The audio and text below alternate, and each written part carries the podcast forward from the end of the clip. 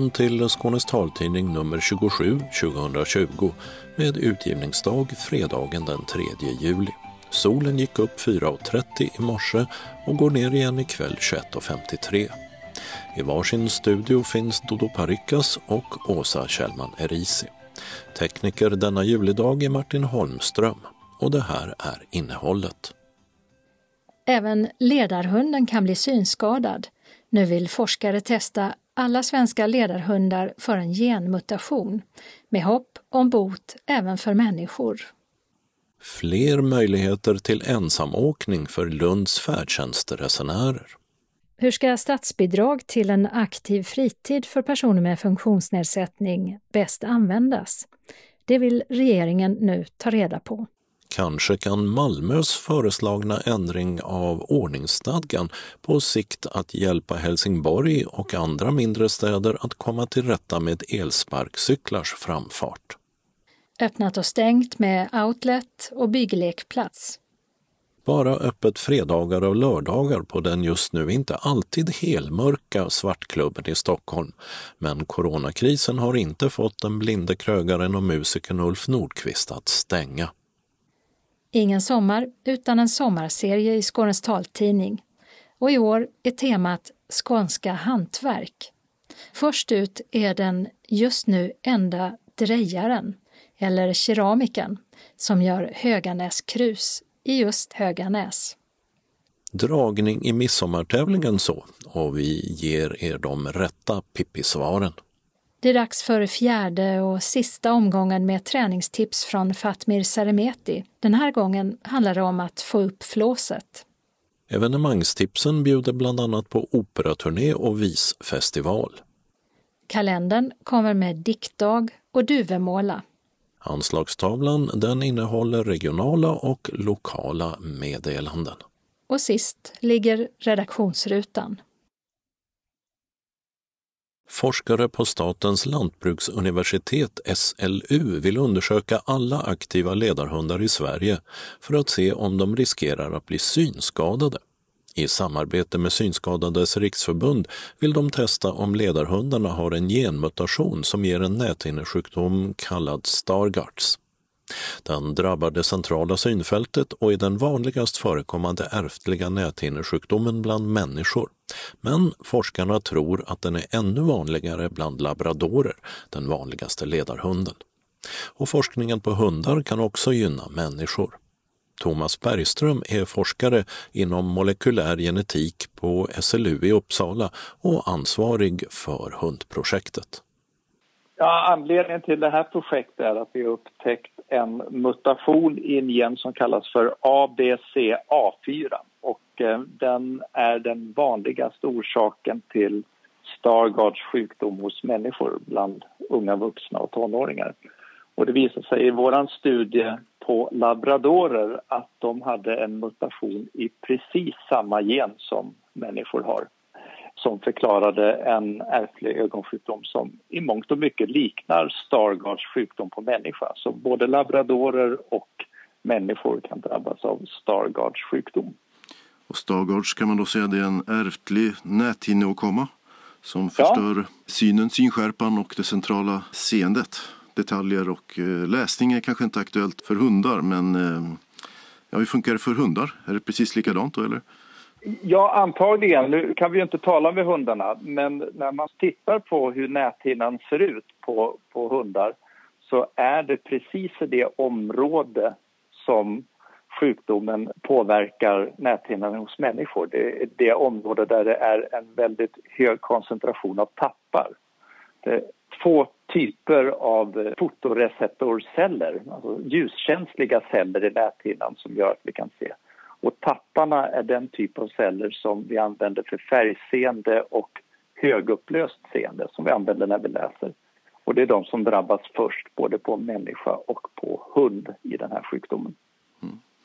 Jag har hittat det hos labradorer. De flesta ledarhundar är ju labradorer. Hur vanligt är det att ha den här mutationen? Ja, det, det, är ju precis den frågan som vi vill svara på. Vi har tittat på ett, eh, inte jättestort antal hundar, men någonstans kring en på 150 till en på 300 hundar tror vi kommer vara drabbade av Stargardt sjukdom när det gäller labradorer. Men det vet vi inte riktigt än och därför så vill vi undersöka ett mycket större antal hundar. Eh, och det kanske allra viktigaste gruppen av hundar att undersöka är just ledarhundar eh, eftersom de har en så viktig uppgift för synskadade. Och vi känner faktiskt till ett fall, inte i Sverige men utomlands där just en labrador som var ledarhund började bete sig lite märkligt eh, och eh, när vi fick ett blodprov från den hunden och eh, tittade på den här mutationen som vi då identifierade som Stargardts sjukdom hos labradorer så visade det sig att just den här ledarhunden hade också den här mutationen. Så i det här fallet så var det en synskadad hund som skulle vara hjälp till en synskadad människa och eh, det kunde ha blivit en ganska farlig situation. Så vi tycker det är viktigt att vi undersöker ledarhundar först och främst och då har vi startat ett samarbete med Synskadades riksförbund för att se om det här är ett problem eller inte och i så fall hur stort. Stagarts hos människor är en av de vanligaste orsakerna till synnedsättning, alltså bland de ärftliga näthinnesjukdomarna. Men ännu vanligare bland labradorer då? Ja, mycket vanligare verkar det som. Och det gäller tyvärr många av de ärftliga sjukdomar som, som drabbar både hundar och människor. Det, det, är väldigt många sjukdomar som drabbar båda arter, så att säga. Så att på, på hund som på labradorer så verkar det vara åtminstone tio gånger vanligare än det är på människor. Så det som är en väldigt eh, ovanlig sjukdom, för då får man ju ändå säga att Stargards sjukdom är på människa, även om det är den vanligaste Alltså en på 8 000, en på 10 000 är inte så många drabbade om man jämför det till exempel med hjärt-kärlsjukdomar eller olika former av cancer som drabbar betydligt fler människor. Men på labradorer då så eh, om det här ligger någonstans på en på 150 valpar till en på 300 valpar, ja då är det ju på människor hade det varit en ganska vanlig sjukdom. Jag tror att eh, om vi hade studerat en sjukdom på människor som drabbar en på 300 eller en på 150 då skulle vi nog inte riktigt kalla det för en ovanlig sjukdom. Nu ska ni undersöka alla 300 aktiva ledarhundar i Sverige. Hur ska det gå till rent praktiskt? Det håller vi på att eh, utarbeta. Sannolikt så kommer Synskadades riksförbund hantera själva insamlingen eftersom man har kontakt med alla hundförare. Eh, och det kommer troligen att ske med att man skickar ut brev till, till de här ekipagen.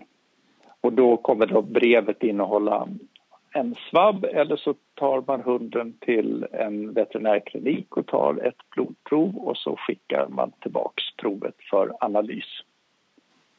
Och så kan ni se om hunden har den här genmutationen eller inte då. Vad ska ni göra med den kunskapen eller vad kan den komma till för nytta? Det första det är ju naturligtvis att se om den här mutationen förekommer bland Sveriges ledarhundar. Det är det, det första. I nästa steg så kan man använda den här kunskapen när man planerar avel av ledarhundar så att man inte riskerar att få valpar som har sjukdomen. Att utbilda en ledarhund är en, en stor investering både när det gäller tid och eh, pengar. Det tar flera år att utbilda en ledarhund och det kostar flera hundratusentals kronor. Och kan man undvika då att de eh, blir synskadade så är det mycket vunnet? Ja, ja precis. Och, och det här är ju bara en av flera ärftliga ögonsjukdomar som förekommer hos hundar och hos labradorer. Men Eh, vi, vi, börjar här. Eh, redan idag så vet jag att man testar för en annan känd mutation som kallas för PRCD. Så den har man lyckats undvika väldigt väl bland ledarhundar. Men den här är ju en nyupptäckt mutation eh, som vi idag faktiskt inte vet hur vanlig den är men vi tror som sagt var att det är ungefär en på 150 till en på 300 labradorer som kommer drabbas. Kunskaperna ni får av det här, går att använda till någonting annat? för hundar eller människor? Ja, alltså det är just här vi har ett gemensamt intresse med Synskadades riksförbund eftersom vi är intresserade av både människors hälsa och hundars hälsa. Eh, och eh, när det gäller just ärftliga ögonsjukdomar så har hunden visat sig vara en väldigt bra modell för att dels förstå de bakomliggande orsakerna till ärftliga ögonsjukdomar men också för att utveckla nya behandlingsmetoder. Eh, och det är faktiskt tack vare hunden som det idag finns en behandling för det som är en mutation i en gen som kallas för RPS65 som man nu kan behandla med genterapi. Så vår långsiktiga förhoppning är att vår forskning på labradorer också ska kunna leda till att man förbättrar möjligheten att behandla Stargards sjukdom hos människor. Och där har vi inlett nu ett samarbete med kollegor i USA eh, för att försöka utveckla en genterapimodell där man för in den funktionella varianten av den här genen hos hundar så att de inte ska drabbas av sjukdomen. Eh, och när man har gjort det här på hundar så kan man därefter ta det eh, till, till klinisk prövning på människor. Och ja, I bästa fall så om 10-15 år så, så finns det metoder att hjälpa barn och unga vuxna med Stargards sjukdom så att man inte drabbas av synnedsättning. Det hoppades eh, Thomas Bergström, forskare på institutionen för husdjursgenetik vid Statens lantbruksuniversitet i Uppsala. Det är på SLU som landets veterinärer utbildas och så forskar man i veterinärmedicin, som ibland alltså kan vara användbar också på människor. Reporter här var Mats Sundling. Nu under sommaren utökas möjligheterna till ensamåkning för färdtjänstresenärer boende i Lunds kommun. Sedan i måndags så kan man i mån av plats boka ensamåkning för att resa när som helst på helgerna och under delar av vardagarna. Däremot så är det inte möjligt att boka ensamåkning för vardagar mellan 7 och 10 samt mellan 12 och 16. Hur det blir i höst är oklart och denna sommartidtabell kommer troligen att ändras i samband med skolstarten den 19 augusti, eller om resandet med färdtjänst ökar mer än förväntat eller ifall antalet tillgängliga fordon skulle minska. Regeringen har beslutat att man ska se över hur statsbidrag bättre kan användas till en aktiv fritid för funktionshindrade. Statskontoret fick i förra veckan i uppdrag att analysera hur en rad myndigheter delar ut bidrag och hur relevanta delar av dem kan användas för att bättre skapa en aktiv fritid för dem som har en funktionsnedsättning. Statskontoret ska också lämna förslag på hur bidragen ska kunna användas för bättre tillgänglighet och delaktighet inom kultur, idrott och fritid.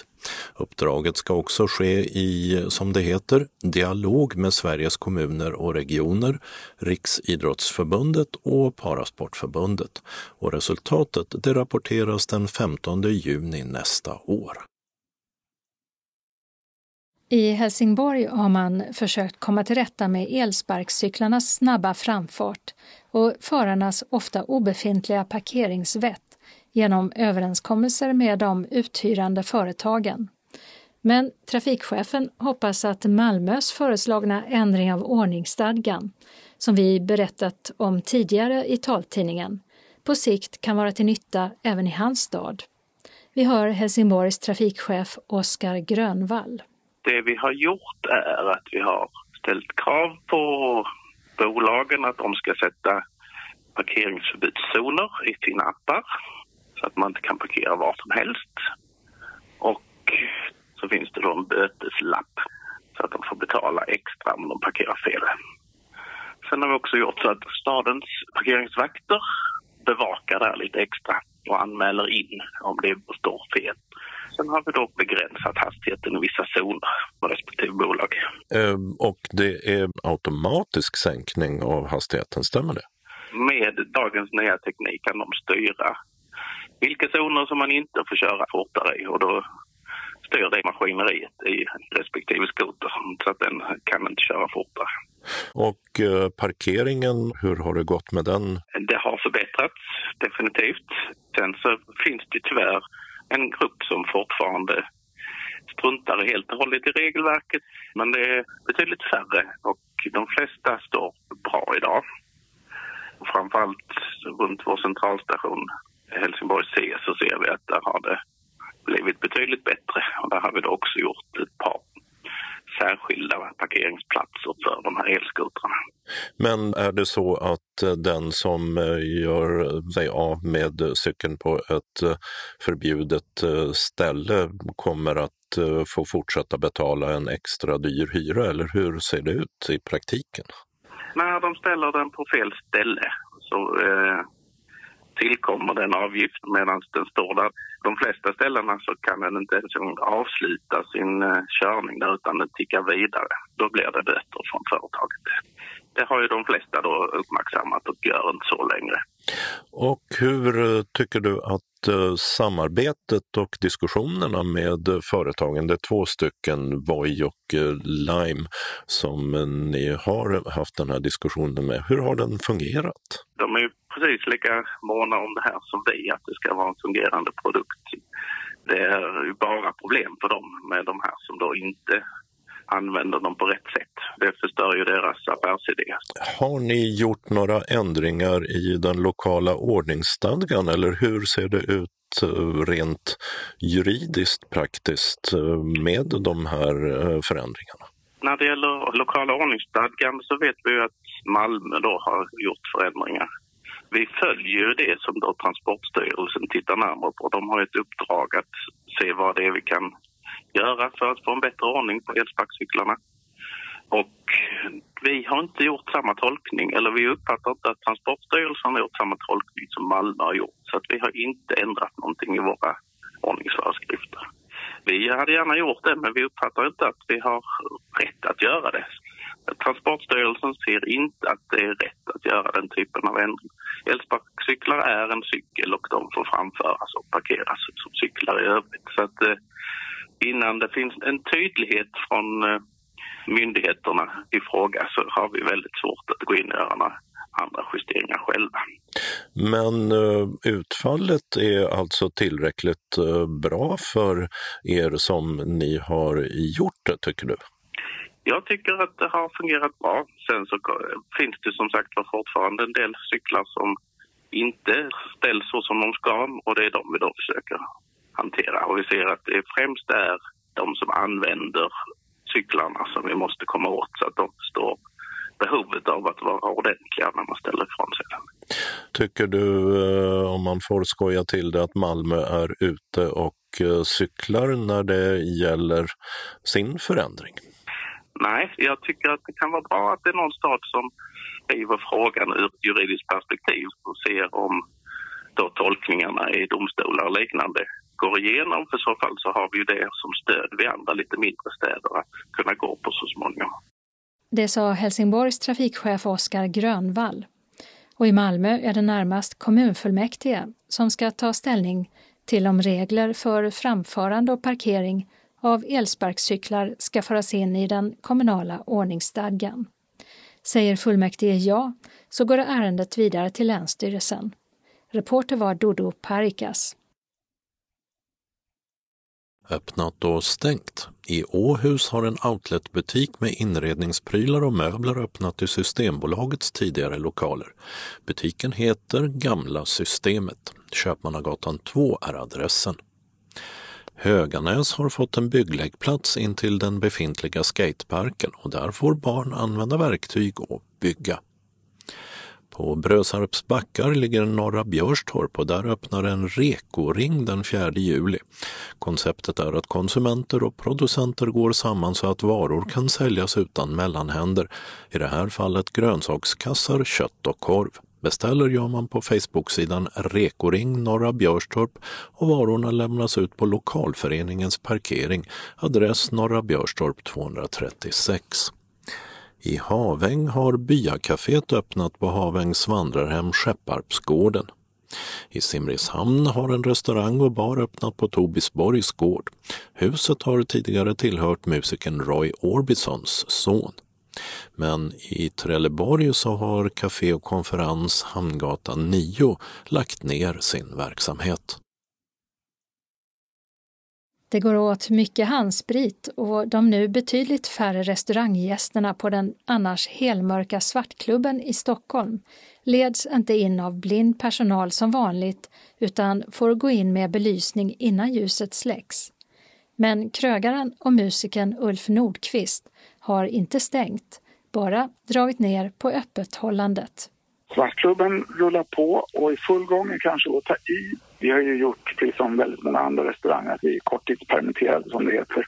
Vi har öppet bara fredagar och lördagar. Rummet är också halvfullt på grund av att vi måste hålla avstånd mellan gästerna. Så då kan vi inte fylla på rummet fullt heller utan får nöja oss med att ha ett, ett halvt rum ungefär. Men hur har det fungerat under våren? Har det sett ut så här hela tiden att ni har varit igång? Ja, någonstans i mitten av mars sjönk ju gästantalet av sig själv. Men sen har det rullat på sedan dess med mycket färre gäster. Men eh, vi hoppas på att ligga ungefär med 20 gäster per kväll. Och eh, vad har ni varit tvungna att vidta mer för försiktighetsåtgärder? Man kan säga att allting är sig ganska likt men man kan också säga att allting är väldigt annorlunda. Men i grunden så är det ju mat och musik i mörker som vi ger. Eh, dels så får folk vänta utanför och gå in ett sällskap i taget in i baren då för att bli avprickade på listan så att vi vet att de har kommit och sen så jag tar in dem så fort som möjligt också in i mörka rummet. Normalt sett så håller de i mig men nu går de och följer ett fint ficklampljus så att jag leder dem och sen går jag fram och lyser på deras stolar så att de hittar fram till sin plats. Så ni är tvungna att fuska lite helt enkelt för att eh, skydda folk? Exakt, men när alla är inne sen är det ju mörkt. Men vi får ta några sådana här nödlösningar för att helt enkelt kunna ge den här upplevelsen i den här tiden. Och sen måste vi också, normalt sett så brukar det vara en ganska stor grej att folk sitter och så får de träffa ett annat par eller hur många de nu är som sitter mitt emot dem. Men just nu så sitter ju varje sällskap för sig själva. Sen är det ett avstånd då till nästa sällskap och så, ja, som det nog ser ut på alla restauranger, att man, man får liksom ha tomma platser överallt för, för att, att hålla avståndet i rummet. Har du märkt någon oro hos eh, besökarna? Nej. Jag tror att alla de som har den oron, de har bokat bort sig för länge sedan. Utan de som kommer, det är sådana som inte har så stor oro egentligen utan de känner sig trygga med, med att gå ut och sätta sig på en restaurang eller Svartklubben. Har ni funderat ens på att eh, ni faktiskt inte skulle hålla öppet? Alltså, jag, jag har inte riktigt övervägt det. Vi har ju som sagt skurit bort jättemycket kvällar. Samtidigt så är det ju ett faktum är ju att vi måste ju betala hyran varje månad och den är ju väldigt kraftfull. Vi måste betala alla andra sådana här fasta kostnader. Den fasta personalens löner. Så det finns egentligen inte det alternativet att stänga ner helt om inte statsmyndigheterna säger att stäng ner helt så, så hjälper vi till med kostnaderna för hyra. Och så, så nej, jag har inte övervägt att stänga ner helt. Det går ju runt kontroller och ser att folk inte trängs. Har ni haft några kontroller? Vi har inte haft några kontroller. Men det kan ju också bero på att vi har ju begränsat öppet hållande. Jag vet ju inte när här patrullerna är ute, men de har inte besökt oss. Och um, hur är det för dig själv? Funderar du på risken att bli uh, smittad? Jag kan säga att jag var ganska orolig ganska lång tid i början. Det är klart att jag är inte helt fri från oro, jag är inte, men jag är inte rädd heller utan det är mest egentligen att ibland kan jag grua mig lite innan. Sen ska det tilläggas att gud vad vi tvättar händerna hela tiden och, och spritar händerna och det är ett evigt tvättande hela tiden, vägen runt hela kvällen och, och eh, det ser väldigt annorlunda ut på det sättet för, för oss också att det, man vill inte ha direktkontakt med gästerna och om man nu ändå skulle råka få det, för det är klart att det går inte att stå helt fri från det när man kommer och ska servera saker. Det är ju bara att tvätta händerna direkt eller sprita innan man går vidare. Jag hoppas verkligen att vi alla ska klara oss ur den här pandemin ganska snart så att vi kan börja andas och leva som vanligt igen. Men vi vet ju inte hur länge det här pågår och jag känner att min uppgift som att vara den som kör Svartklubben, det handlar om att, att kunna lyckas manövrera genom det här minfältet så att vi kommer ut och inte har gått i konkurs. Men eh, det, det känns som med de bidrag som staten har gått in med så här långt så är det typ möjligt.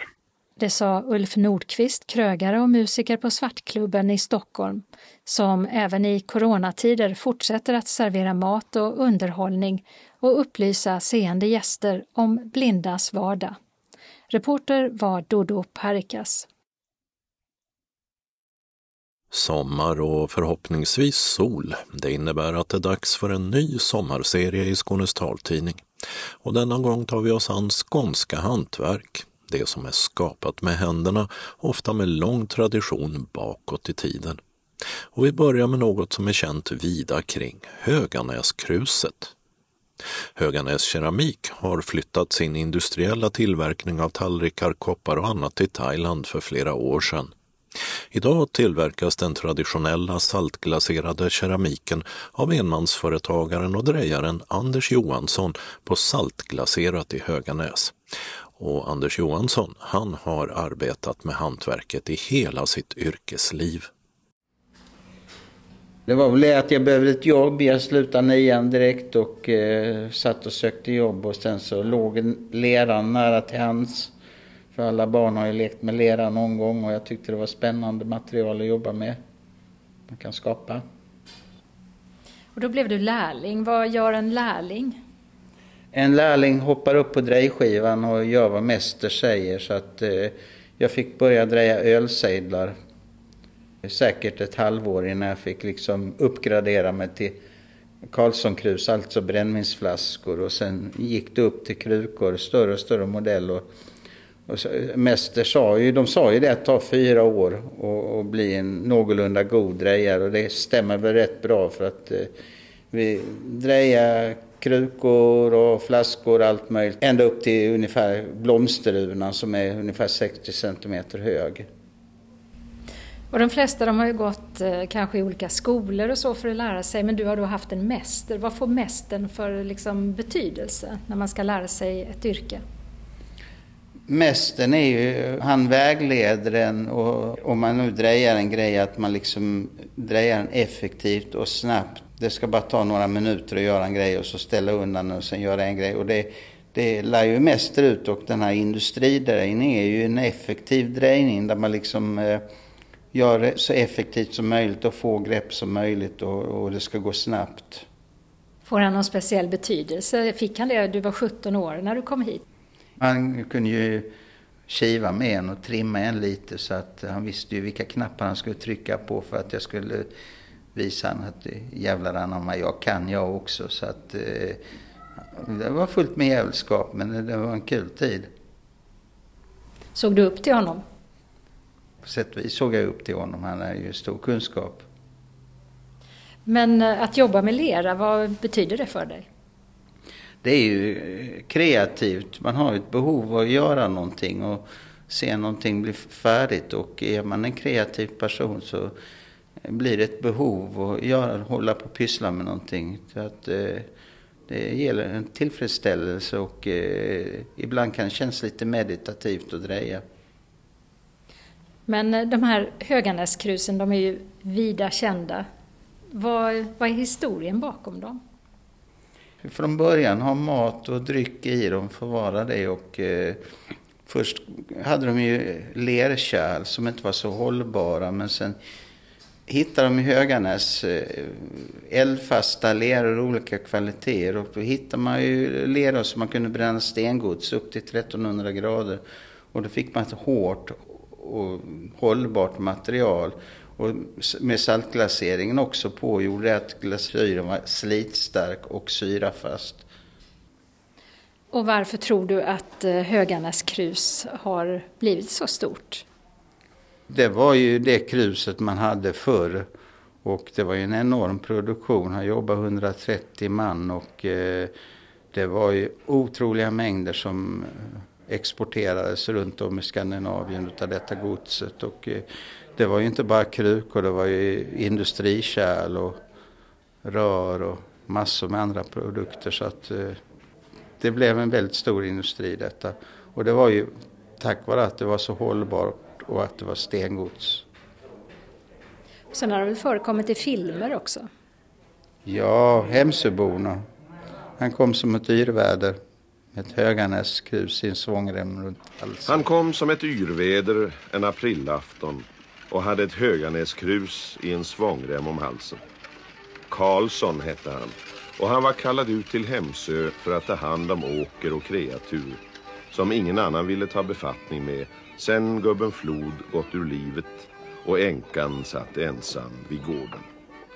Gubbarna här, de sa jäkla Strindberg för de fick dreja Höganäskrus igen till förbannelse. Hade man lagt ner det innan då eller? Ja, den tillverkningen var ju inte så stor så här kom ju filmen och skulle alla Höganäskrus igen. Där ser man vilken slagkraft en film kan ha. En gång i tiden så var det de rika fyndigheterna av stenkol som gjorde att Höganäs och bygden runt omkring blev så framgångsrik när det gällde keramik. För brytningen av stenkol gjorde också att man fick upp en massa lera som man behövde ta hand om. Och de första brännugnarna byggdes 1825 och som då förstås eldades med den stenkol som man bröt. Och några år senare följdes det av verkstaden där drejarna satt på rad och det kan man se på ett gammalt svartvitt foto som hänger på väggen. På den tiden jag vet tillbaka på 40-talet, 30-40-talet, då var det ju fyra drejare, mästerdrejare, som drejade allt som inte gick att köra maskin. Men om vi säger längre tillbaka på 1800-talet, då fick man ju dreja allting. Maskinerna kom ju kanske någon gång på 1900, början på 1900-talet. Mm. Så att, eh, längre tillbaka känner jag inte till det mer än att titta på fotografierna. Där sitter ju drejare i rader faktiskt. 1895 har en tavla där. Ja, ah, jag ser den där borta. Ja, ser den där. Ja. Där sitter det igen på rader, ja. Mm. Hur tror du det var här då då? Det var nog tufft här och eh, man fick jobba hårt och annars så fick man upp på öronen av eh, förmannen här rejält.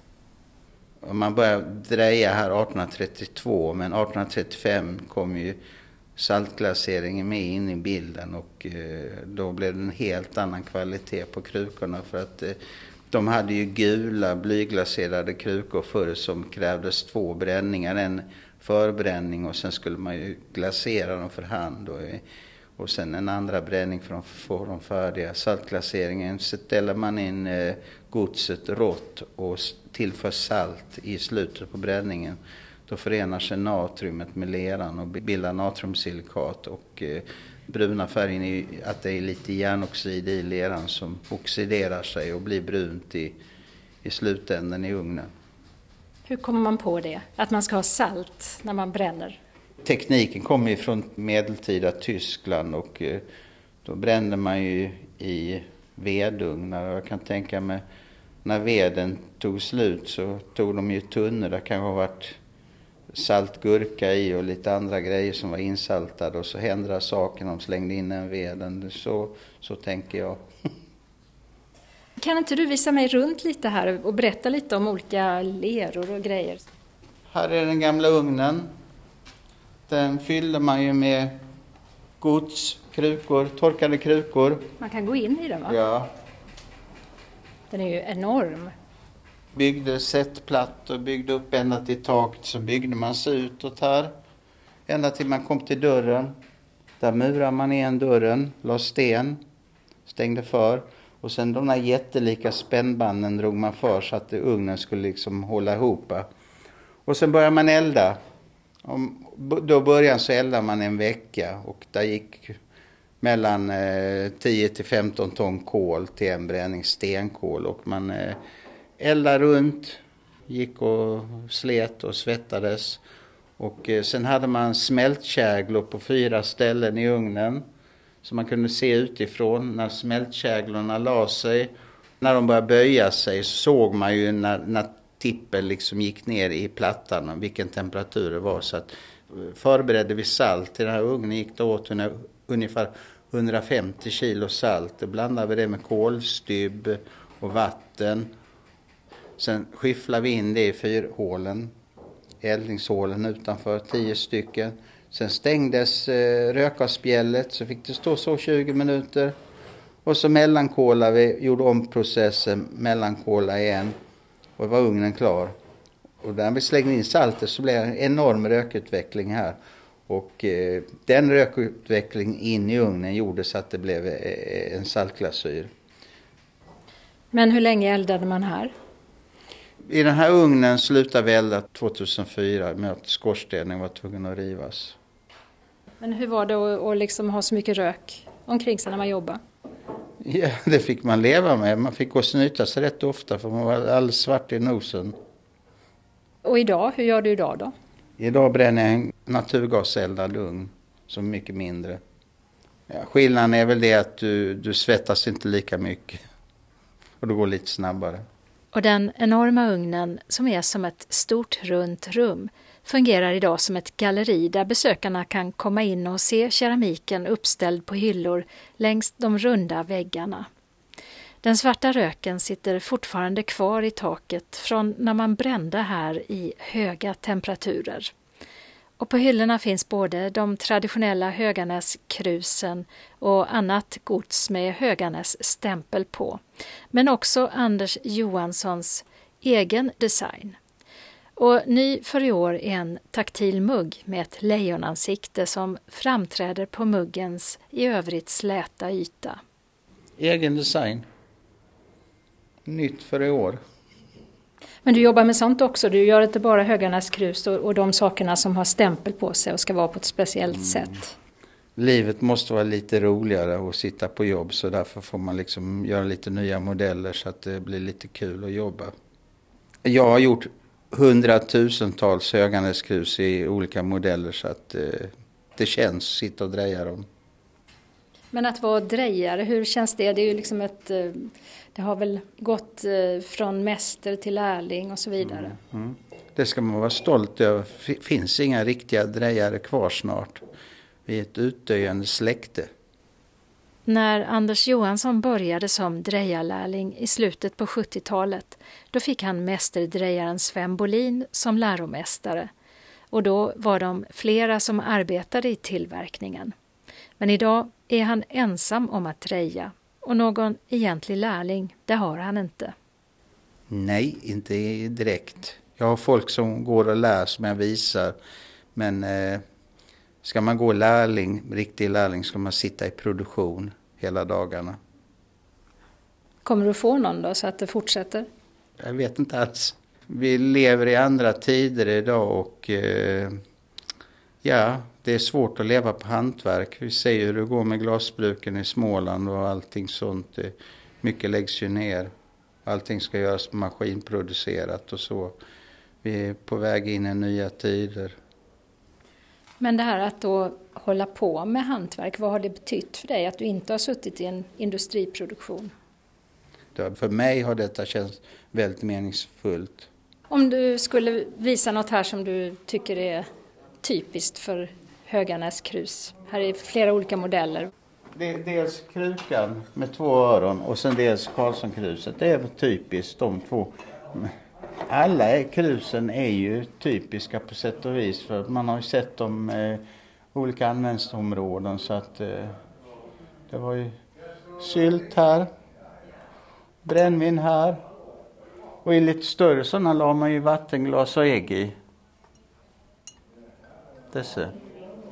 Vad sa du, vattenglas och ägg? Ja. Varför det? Man konserverar äggen i vattenglas för vattenglaset täppte igen porerna på äggskalen så de höll ju mycket längre. Så när folk hittar gamla stora sådana här så är det vit beläggning på insidan utav vattenglas och de vet inte hur de ska få bort det. Då har det varit vattenglas och ägg i dem. Men när du började jobba här då för drygt 40 år sedan, hur var det här då? Det var ju mer liv och rörelse. Man satt och drejade. Det var inte som det var förr, för tillverkningen lades ner officiellt 56 när plasten kom. Och eh, Höganäsbolag som idag tillverkar presspulver, de gjorde det då också men de gjorde eldfast och de hade eh, mycket här på området de tillverkade. De eh, ville ju inte lägga ner den här rörelsen utan de behöll ju eh, åtta man här fyra formare och fyra drejare som fick sitta och dreja gods som gick till deras reklamavdelning. Sen var det några utvalda butiker som fick sälja godset. Så att, eh, tillverkas ju både krukor och vaskar till kemisalar och sånt när jag börjar. Men när du kom hit som 17-åring, visste du vad ett Höganäs krus var då? Ingen aning vad Höganäs krus var. Jag hade faktiskt ingenting hum om Höganäs krus. Så då har du fått lära dig den hårda vägen kan man säga? Ja, den hårda och långa vägen har jag lärt mig på. Men när du sitter och gör väldigt många av samma sak, när är du nöjd? Ja, man försöker ju dreja den perfekta formen som aldrig infinner sig. Men eh, för stunden kan jag faktiskt dreja eh, vackra Höganäskrus och eh, vackra muggar eller kaffekoppar. Klart man blir nöjd då.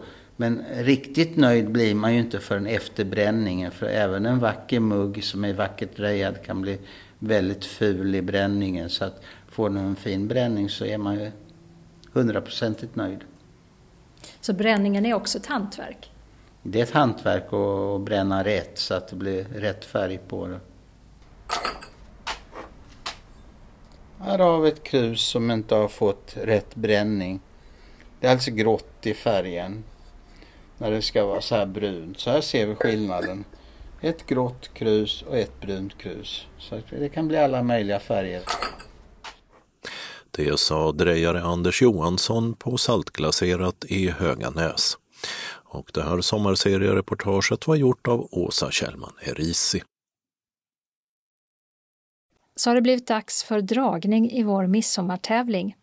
Men först går ordet till tävlingsmakaren Martin Holmström som har de rätta svaren på frågorna om världens starkaste 75-åriga barn, Pippi Långstrump.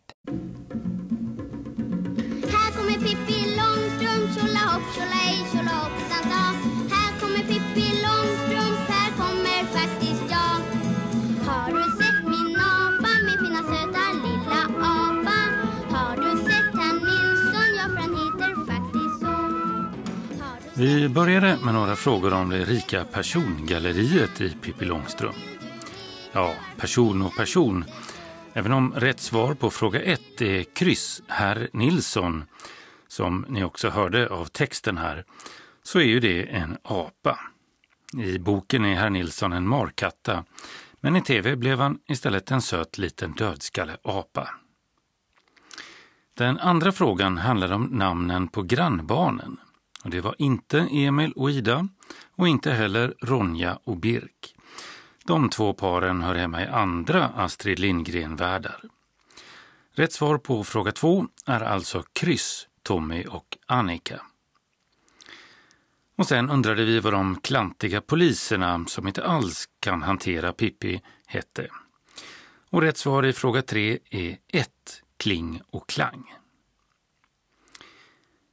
Nästa fråga var nog klurigare. Vi undrade vilken Astrid Lindgren-figur som är populärast i Ryssland. Och det är faktiskt Karlsson på taket. Det sägs att de två populäraste böckerna i Ryssland är Bibeln och Karlsson på taket. På 70-talet visades en tecknad filmversion av böckerna i dåvarande Sovjetunionen och det lär vara den som är förklaringen till framgångarna. Ja, plus att Karlssons anti-auktoritära stil gick hem i öst såklart. Det blev alltså ett kryss i fråga 4. Fråga 5 handlar om Pippis fullständiga namn och det är Pippi Lotta, Victor Alia, Rullgardina, Prins Mynta, Ifremsdotter, Långstrump. Och det ger en tvåa i fråga 5. Sen hörde vi en bit ur låten Sjörövar-Fabbe. Sjörövar-Fabbe, farfars far, är minsann Särdes kar Kring alla haven far och far, så hade littan lej. Sjörövaryrket passar bra, det är bara att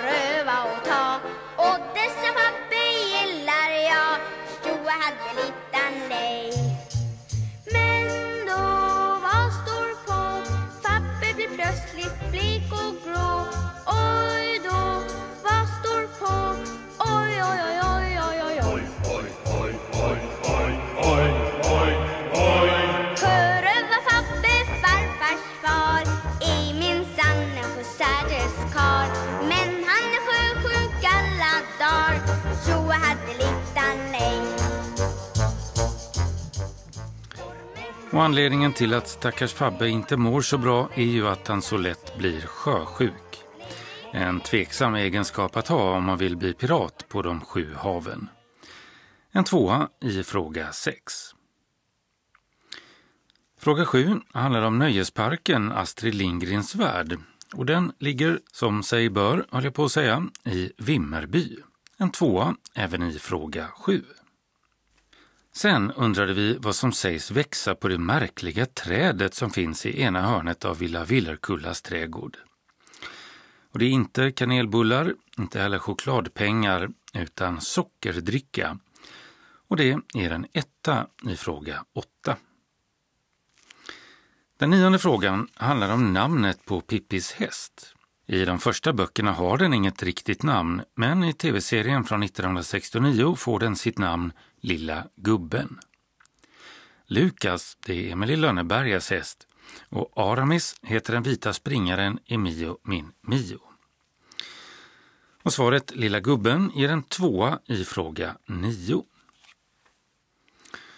Och den tionde och sista frågan handlar om den unga skådespelerskan som gjorde rollen som Pippi, både i tv-serien från 69 och de följande filmerna. Hon blev ofantligt populär, något som inte enbart var av godo. Här hör vi henne i en intervju i norsk tv från 1993. Det, det, var roligt de åren som vi höll på att filma, det var ju tre år då. Men ehm, ja, det var ju roligt efteråt också men, men det blev lite tjatigt där. Och det, det, var jobbigt när jag var tonåring, ja. det var det. Du, du liker väl kanske inte att jag eh, säger Pippi Langström? Nej. Nej. Nej. Och du heter egentligen Inger Nilsson? Ja. Rätt svar är alltså Inger Nilsson, ett kryss. Och det ger oss följande rätta rad. Kryss, kryss, 1. Kryss, 2, 2. 2, 1, 2 och ett kryss. Och så är det dags för själva dragningen. I en burk här så har vi namnen på de som hade rätt på alla frågorna. Jag sticker ner handen. Ska vi se. Och där står Conny Jansson Ängelholm. Grattis! Och vinnaren får en valfri ljudbok eller musik-CD i normalprisklass. Och då blandar vi namnen på alla som deltagit, både de som hade alla rätt och de som inte klarade alla frågorna. Den vinsten går till Josef Niadnik, utflyttad till Göteborg. Grattis till dig med! Och det var alltså Skånes taltidnings Martin Holmström som hade satt ihop midsommartävlingen. Dragningen sköttes av Dodo Parikas. Hur hålla formen i coronatider? I tre tidigare inslag har vi fått träningstips av Fatmir Seremeti med enkla styrkeövningar man kan utföra där hemma, till exempel med hjälp av en stol. Idag avslutar vi serien med lite tips på hur man kan få upp flåset. Jag glömde det. Det finns en maskin eller en skärm som gör ja. det. Jag har aldrig sett något liknande faktiskt. Precis. Skärmar som räknar ja, åt det är väldigt high tech. ja, det får jag säga. Ja. Så, såklart, man kan använda det mesta egentligen eh, där hemma som redskap. Jag vet folk som använder till exempel ja, men tomma petflaskor som man fyller med vatten och så lägger man dem i en ryggsäck. Kan man använda det som belastning exempelvis när man kör knäböj eller andra typer av övningar för att göra det lite svårare. Det allra, allra bästa som jag tycker i alla fall att en synskadad eller blind kan ha hemma i redskapsväg det är ju ett hopprep. För det är ett enkelt sätt att träna kondition på och även koordination. Det är egentligen eh, det är bara ett vanligt rep som man kan köpa var som helst i stort sett. Och så hoppa jämfota samtidigt som man snurrar den här repet över huvudet och sen ner under fötterna. Börja med ett, kanske två. Till slut så kommer man få in koordinationen och tempot. Och så börjar man med kanske fyra stycken. Och så till slut kommer man kunna göra hur många som helst utan att stanna. Då gäller det bara att hålla koll på tiden liksom. Hur länge man vill köra. Och ju längre man orkar, ju snabbare, ju bättre, ju mer träning får man. Och det är ett väldigt enkelt sätt att få kondition på. För det vi vill egentligen, det är att få hjärtat att pumpa lite snabbare. Att, att uh, få upp hjärtfrekvensen lite mer när vi tränar. Och uh, det är ett väldigt bra och enkelt sätt. Ett annat jätteenkelt sätt, det är att träna trappor, springa i trappor. Upp och ner, upp och ner, upp och ner. Och jag menar, finns det ett räcke och sådär så är det ganska lätt att göra det på. Tänk bara på att lära känna din trappa, som jag brukar säga. Eh, vet hur, hur stora trappstegen är ordentligt så att man inte riskerar att trampa fel eller göra sig illa på något sätt. Men finns det ett räcke så brukar det oftast vara ganska lätt att kunna springa upp och ner i trappor. Och det är också ett bra sätt att få pump på hjärtat liksom. Eh, för det är det man vill ha när man tränar kondition. Det är ju framförallt man vill att hjärtat eller pulsen ska gå upp ganska mycket. Eh, och ju mer man, man kan få upp pulsen i korta stunder ju bättre konditionsträning får man. Liksom. Ja, hur mycket ska man köra om vi pratar konditionsträning här då? Hur mycket, hur mycket är lagom? Det är jättesvårt. Tränar du hopprep till exempel så kan man ju lägga upp det i kanske Eh, en minuters intervaller, kanske vila en halv minut. Orkar man bara köra 30 sekunder i taget så kör man 30 sekunder och så vilar man 10-15 sekunder emellan.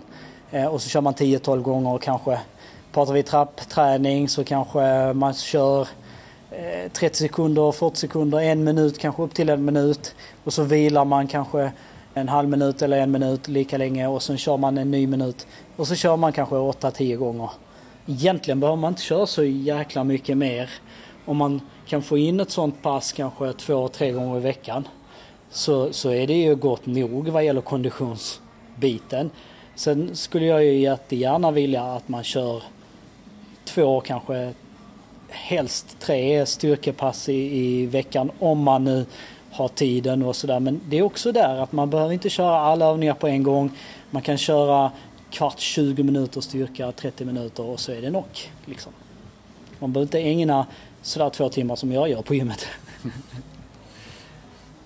man kan ju också kombinera dem när man kör eh, eh, till exempel konditionen först. Intervaller med, med hopprep till exempel eller man kan ju bara stå på liksom springa på stället. Och det allra, allra bästa är såklart om man kan ha tillgång till en konditionsmaskin, exempelvis en motionscykel eller ett löpband hemma.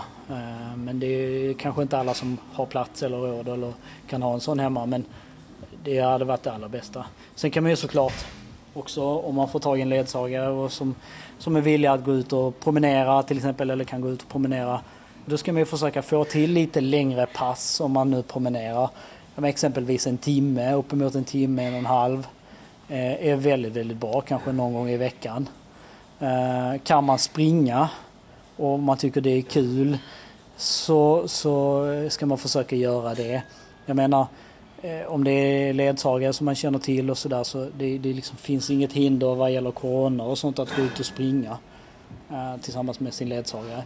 Eh, eller någon man känner. Och sen likadant med cykling till exempel har man tillgång till en tandem och sådär. Nu är det ju fantastiskt väder ute så det är bara ut och cykla. Liksom.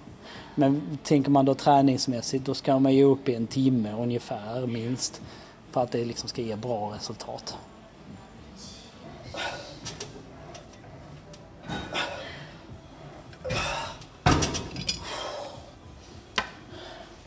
Rörlighet är ju bra att ha också.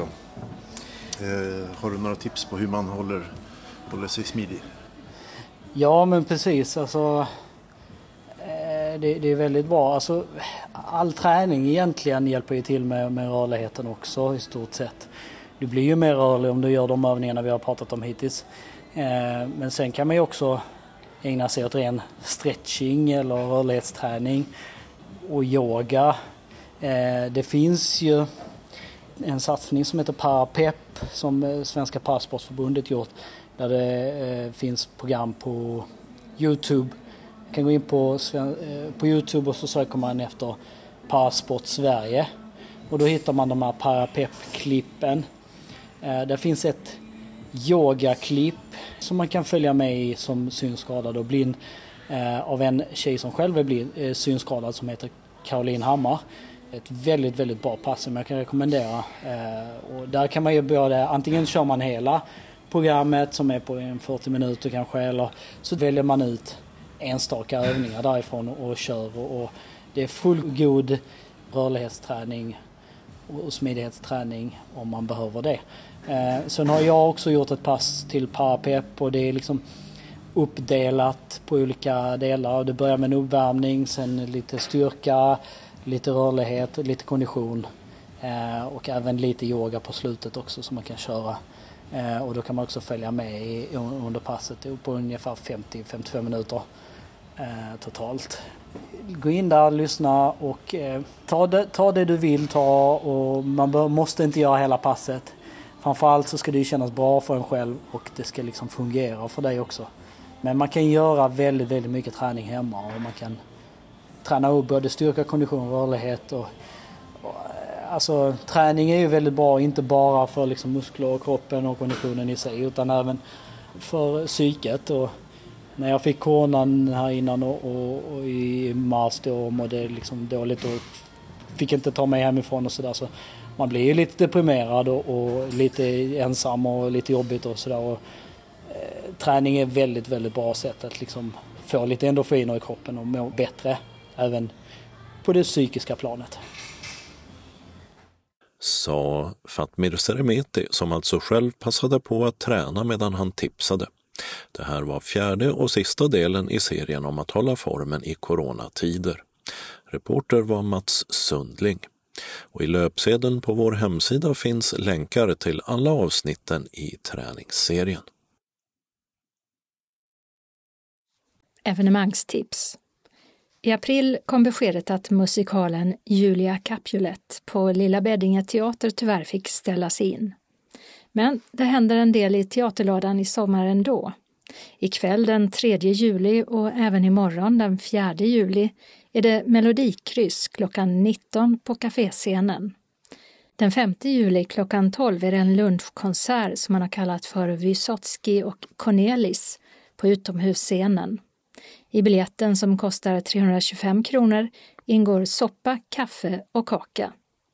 Och det blir även en kvällskonsert klockan 19. Den 9 juli 19.00 på kaféscenen är det en operakonsert med Jakob Lesch och Cecilia Hjortsberg som uppträder med musik från både musikaler och operetter. Och under helgen den 10 till 12 juli har man chansen att eh, trots allt höra musiken från pjäsen Julia Capulet som alltså ställdes in.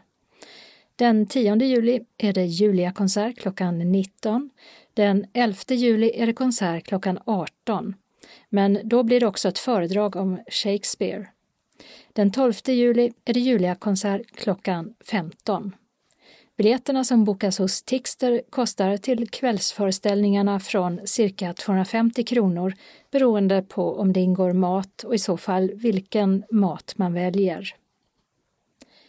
Naturum på Stenshuvud har beslutat att ställa in de flesta av sommarens guidade turer i nationalparken. Detta eftersom besökarna struntar i att hålla avstånd och följa Folkhälsomyndighetens rekommendationer. Dock så genomförs programmen under Musik i Äppelriket som vi berättat om tidigare. Solhällan i Löderup har flera konserter i sommar. Den 10 juli kan man lyssna till americana-inspirerad musik när Alabama Moonshine Company spelar med start klockan 20. Den 17, 18 och 19 juli är det Jesper Lindell med band som äntrar scenen samma tid. För den lite yngre publiken är det Rymdrytmik med Pax och Karin den 18 juli klockan 13 och klockan 15. Dan Hylander och Janne Bark spelar den 23 juli. Sen kommer duon Stefan och Kim där Stefan Arvidsson spelar gitarr och sjunger medan Kim Strandberg spelar piano och violin. Och sen fortsätter konserterna med Anna-Lena Brundin och Jan Sigurd den 31 juli på programmet då står Piraten och den 1 augusti då kvällen viks åt Chet Baker. Den 7 augusti blir det blues när Sir J. Åsling Hotlanta Revival tar över scenen. De följs av The Buckaroos som blandar rock med Southern Soul bland annat och spelar den 14 och 15 augusti. Och även den 20 augusti blir det svängig musik med både country, gospel och rock'n'roll när Linda Gay Lewis spelar.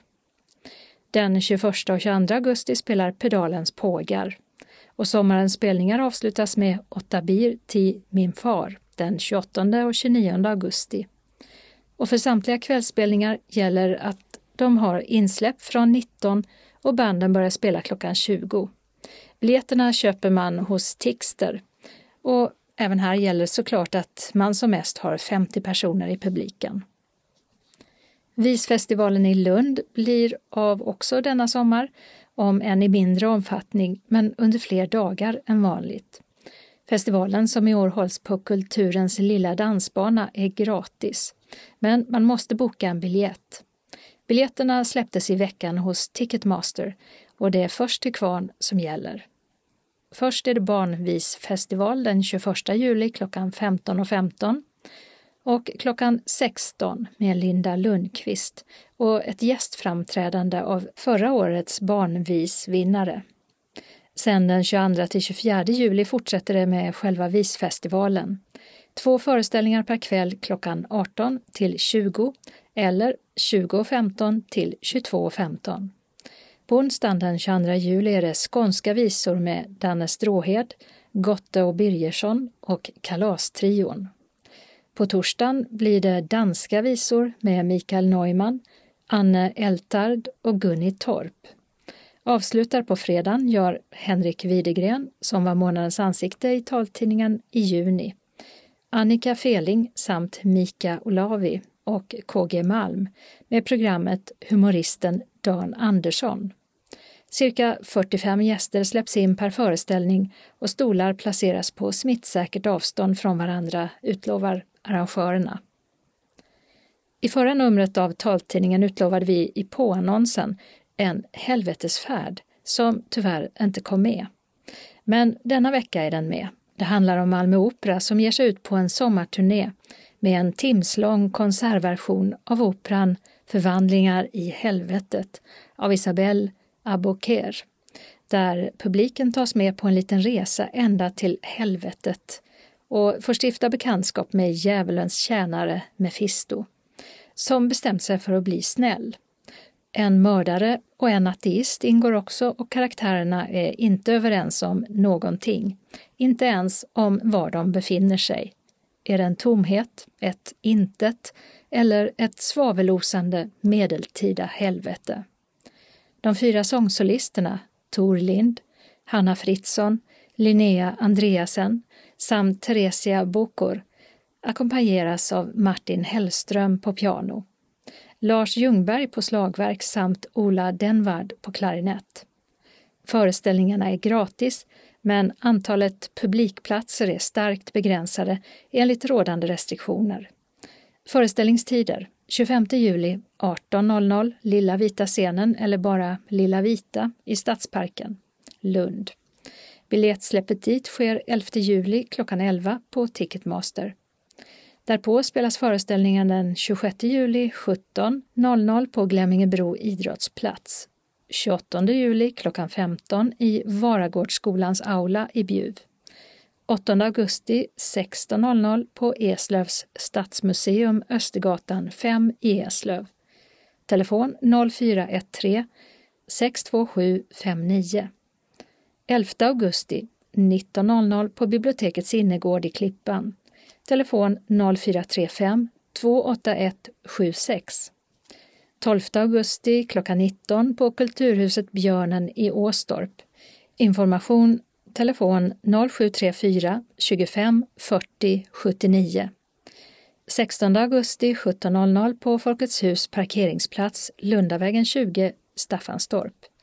Information finns hos Riksteaterföreningen på telefon 0704 71 65 65 och 0708 40 78 11. 18 augusti klockan 18 kommer artisterna till Kävlinge kulturscen Sunnanväg 2 i Kävlinge. Ingen information om möjlighet till förbokning annat än till Lundakonserten finns när detta nummer läses in. Biljettinformation Kulturcentralen 040 10 30 20 Ticketmaster 077 170 70 70 Tixter 0771 47 70 70 Kalendern vecka 28 börjar med måndagen den 6 juli då Esaias och Jessica har namnsdag. I vårt grannland Finland firas diktens och sommarens dag, eller som den också kallas Eino Leino-dagen, eftersom den finske diktaren Eino Leino föddes denna dag 1878. Och det är en flaggdag. 60 år fyller Maria Borelius, journalist, författare och tidigare moderat handelsminister under en mycket kort period 2006. Hon satt endast i åtta dagar innan hon avgick efter att det kommit fram att hon bland annat anlitat svart arbetskraft i hemmet. Tisdagen den 7 juli firar Klas namnsdag. För 70 år sedan införde den sydafrikanska regeringen lagen Population Registration Act som delade in landets medborgare i fyra grupper beroende på hudfärg och ursprung. Systemet gick under namnet apartheid och var till för att ge vita mer makt och missgynna svarta, indier och färgade. Apartheid ledde så småningom till att många länder fördömde och bojkottade Sydafrika, däribland Sverige. Men trots det avskaffades det inte förrän 1994. För 15 år sedan utsattes Londons tunnelbana för tre bombdåd vid 9 på morgonen. En timme senare detonerade även en bomb på en buss i huvudstaden. 56 personer omkom och fler än 700 skadades. En grupp som kallade sig för hemliga al-Qaida i Europa tog på sig skulden för dåden. Det är 160 år sedan den österrikiska kompositören och dirigenten Gustav Mahler föddes.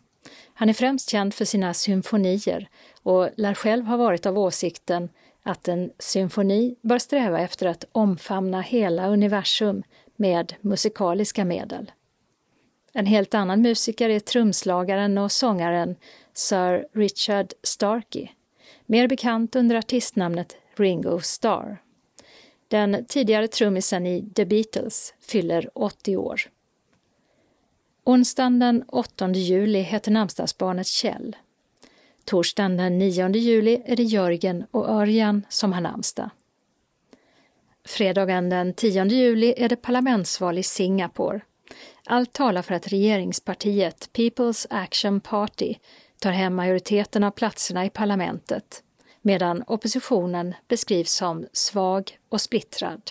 Du måste finnas, du måste, jag lever mitt liv genom dig. Utan dig är jag en spillra på ett mörkt och stormigt hav. Du måste finnas, du måste, hur kan du då överge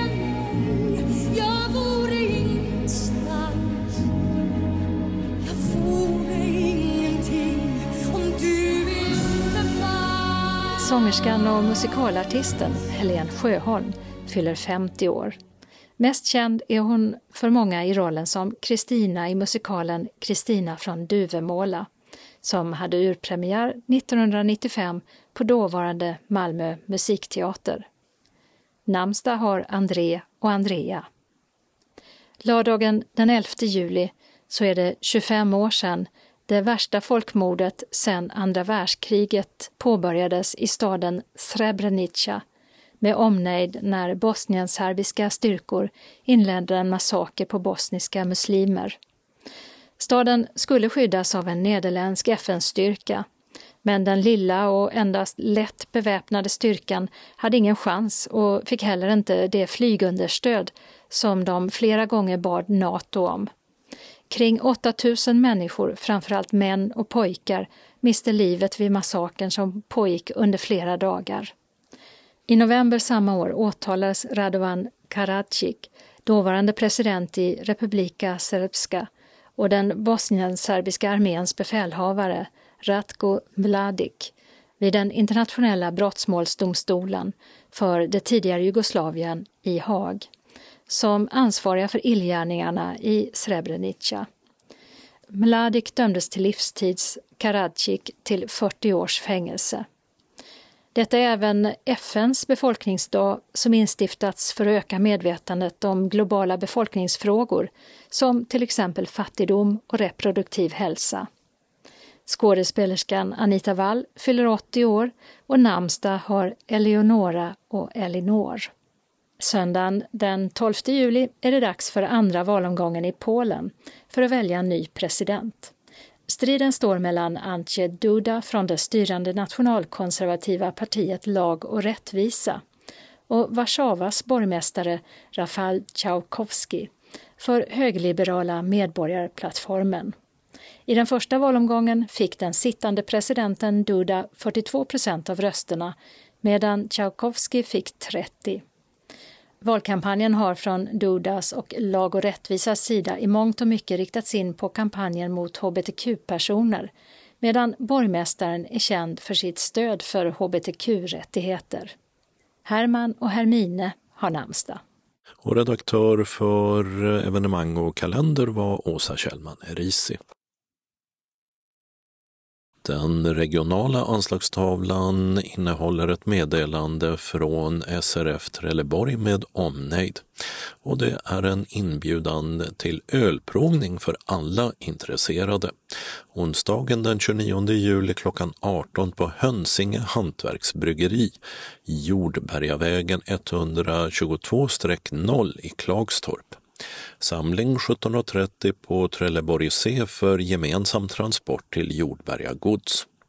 Vi kommer att sitta under en underbar sommarhimmel ute i godsets trädgård. Här finns gott om utrymme och perfekta förutsättningar för fysisk distans. För hand och i liten skala och med mycket glädje bryggs öl på utvalda ingredienser och med vatten från Slottskällan. I den gamla smedjan på godset ligger det lilla bryggeriet. Ölen buteljeras, kapsyleras och packas för hand innan den körs ut till butiker, restauranger, systembolag på Söderslätt och Österlen eller Ölsterlen. Vi provar fem olika ölsorter samtidigt som vi får lära oss processen bakom att brygga öl. Dessutom får vi berättelsen om Hönsinge hantverksbryggeri från hobby till ett etablerat mikrobryggeri äkta öl för alla. Den här aktiviteten är subventionerad och kostar 200 kronor per medlem ledsagare. Då ingår provölen, en liten tallrik med tilltugg och gemensam transport från och till Trelleborg C. Vill du ha påfyllning betalar du den direkt på plats och med kort. Eftersom det blir rundvandring i lokalen bör du fundera på om du behöver ledsagare. Fixa gärna själv eller berätta om ditt behov när du anmäler intresse.